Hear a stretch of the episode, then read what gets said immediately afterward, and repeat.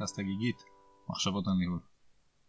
היום אני רוצה לדבר על העברת מסרים בין uh, מנהל לעובד בדרך כלל, ולא סתם מסרים אלא מסרים מבאסים.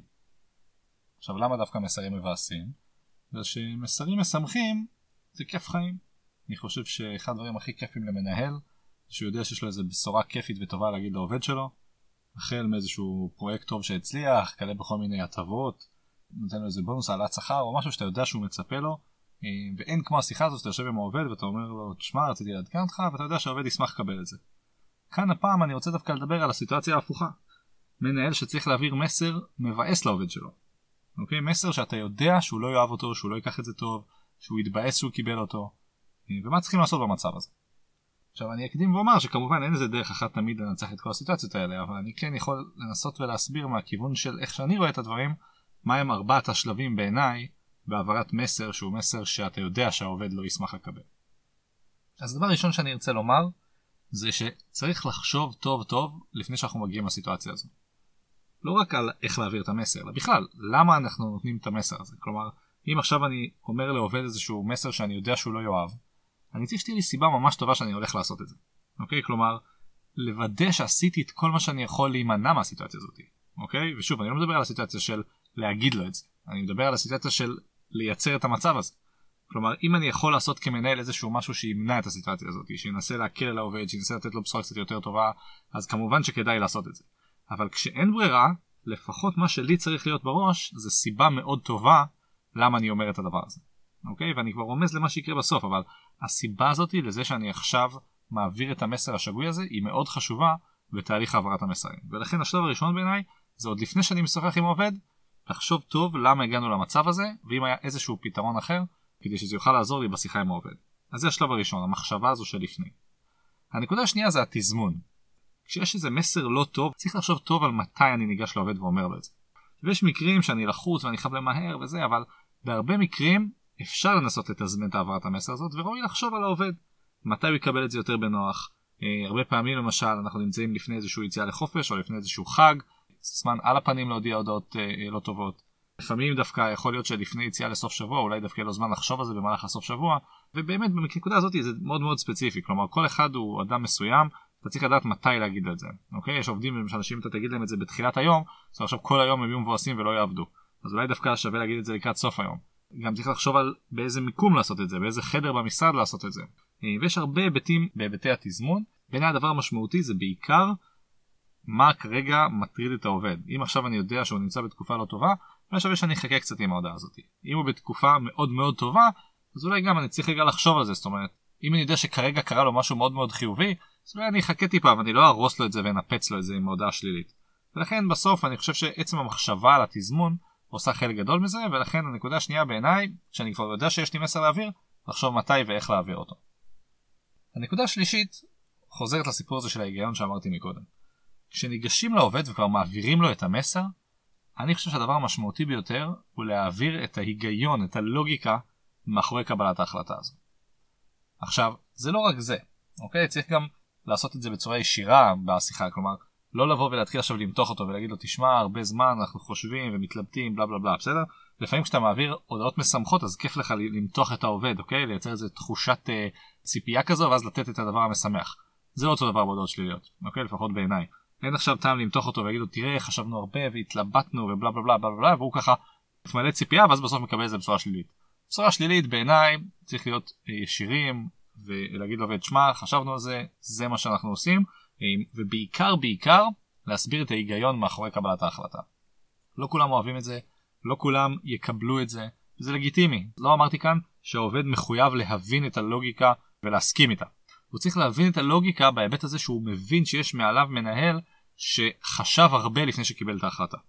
והתלבט לפני שהוא קיבל את ההחלטה ואולי אפילו ניסה לעשות כל מיני דברים אולי אפילו כל מה שהוא יכול לפני שהתקבלה ההחלטה.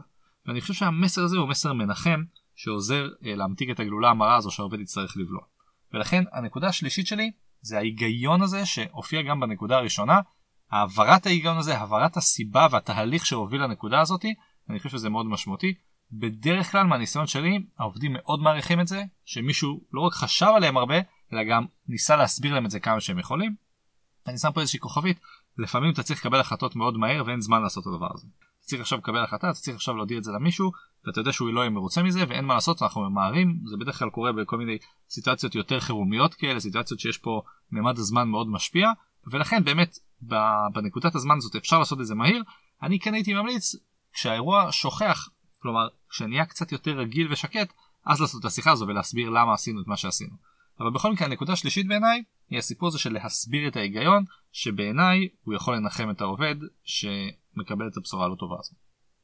זהו הנקודה הרביעית בעיניי גם חלק מהתהליך והוא חלק חשוב זה הסיפור של ההקשבה. הרבה אנשים אוהבים בעיקר לדבר אוקיי ופחות להקשיב אני חושב שזו נקודה מאוד חשובה להפעיל את האוזניים שלנו ולאו דווקא את הפה כלומר אחרי שכבר העברת את המסר שב תקשיב לעובד תשמע מה הוא אומר יכול להיות שהוא יגיד דברים שלא רלוונטיים בשום צורה, יכול להיות שהוא אומר דברים שהם מה שנקרא עידנא דריתחא, כאילו הוא כועס ועצבני ורוצה רק לפרוק את זה על מישהו. עכשיו שוב, אמרתי את זה בפרק אחר, אני לא חושב שאנחנו החברים הטובים של העובד שצריך עכשיו לפרוק עלינו, אבל אני חושב שכן מגיע לעובד את ההזדמנות הזאתי להגיד את דעתו ולהגיד את מה שהוא חושב, וכמנהל עוד משהו שיכול לנחם את העובד, זה להגיד לו, תשמע, אני פה, אני אשמח להקשיב. זה שאני מקשיב דרך אגב לא אומר שאני חייב להסכים עם מה שהוא אומר, אבל אני חושב שההקשבה הזאתי היא משהו חשוב, ואני אגיד עוד משהו, ההקשבה לא צריכה להיות שיפוטית. אני חושב שלא שופטים אדם בשעת צערו, הוא יגיד כל מיני דברים, לא צריך לזקוף את זה לרעתו אחר כך, צריך לתת לו את המקום הזה של להגיד מה דעתו, לפרוק את הצרכים שלו, בעיקר בהיבטי הדבר הזה שהוא רצה שיקרה ולא קרה, כי כנראה שלעובד הייתה ציפייה שמשהו יקרה ואנחנו בעצם גרמנו לו להבין שזה לא הולך לקרות, לקבל את זה, לספוג את זה ולתת לו את התחושה הזאת של הפריקה שלדעתי תוביל אותו למקום יותר טוב.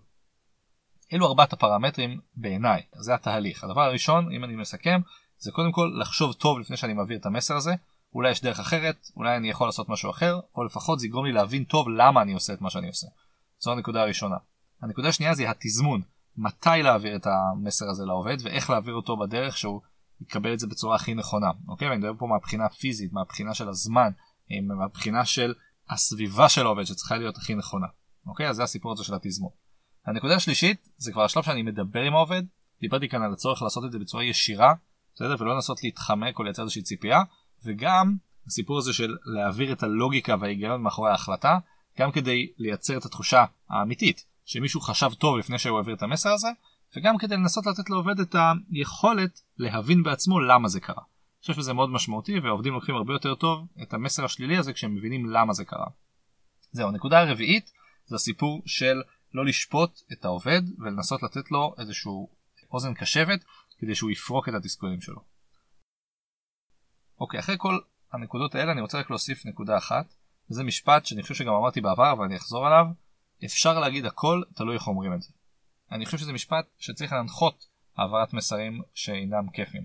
כי אם אני יודע לנסח את הדברים לעובד שלי ואני מדבר אליו בצורה מכובדת ואני מסביר את הרציונל, אני חושב שהמסר עובר בצורה יותר נכונה ולעובד יהיה יותר קל. זה נכון גם בסיטואציות שקשה להסביר לעובד את הלוגיקה. כי זה משהו שאסור לו לדעת או שאנחנו לא רוצים שהוא ידע.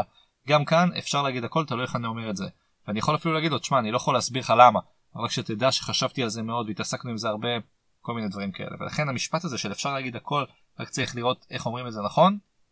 אני חושב שהוא מאוד רלוונטי במקרה הזה של העברת מסרים לא כיפים. זהו ואחרי כל מה שאמרתי הסיכום האחרון מבחינתי זה לא תמיד יעבוד. אוקיי לפעמים אנחנו נגיד מסר מבאס לעובד הוא ייקח את זה מאוד קשה הוא לא יקשיב לנו, הוא יתעצבן עלינו, הוא יצעק, והוא ייקח את זה הכי רע שאפשר, יצא מהמשרד וילך. ובמקרים כאלה, אני חושב שעדיף שהמנהלים שמעבירים את המסרים, יהיו מנהלים הומניים, אנושיים, שמנסים לעשות את הדבר הנכון, אוקיי? ואני חושב שזה הדרך שניסיתי להעביר כאן.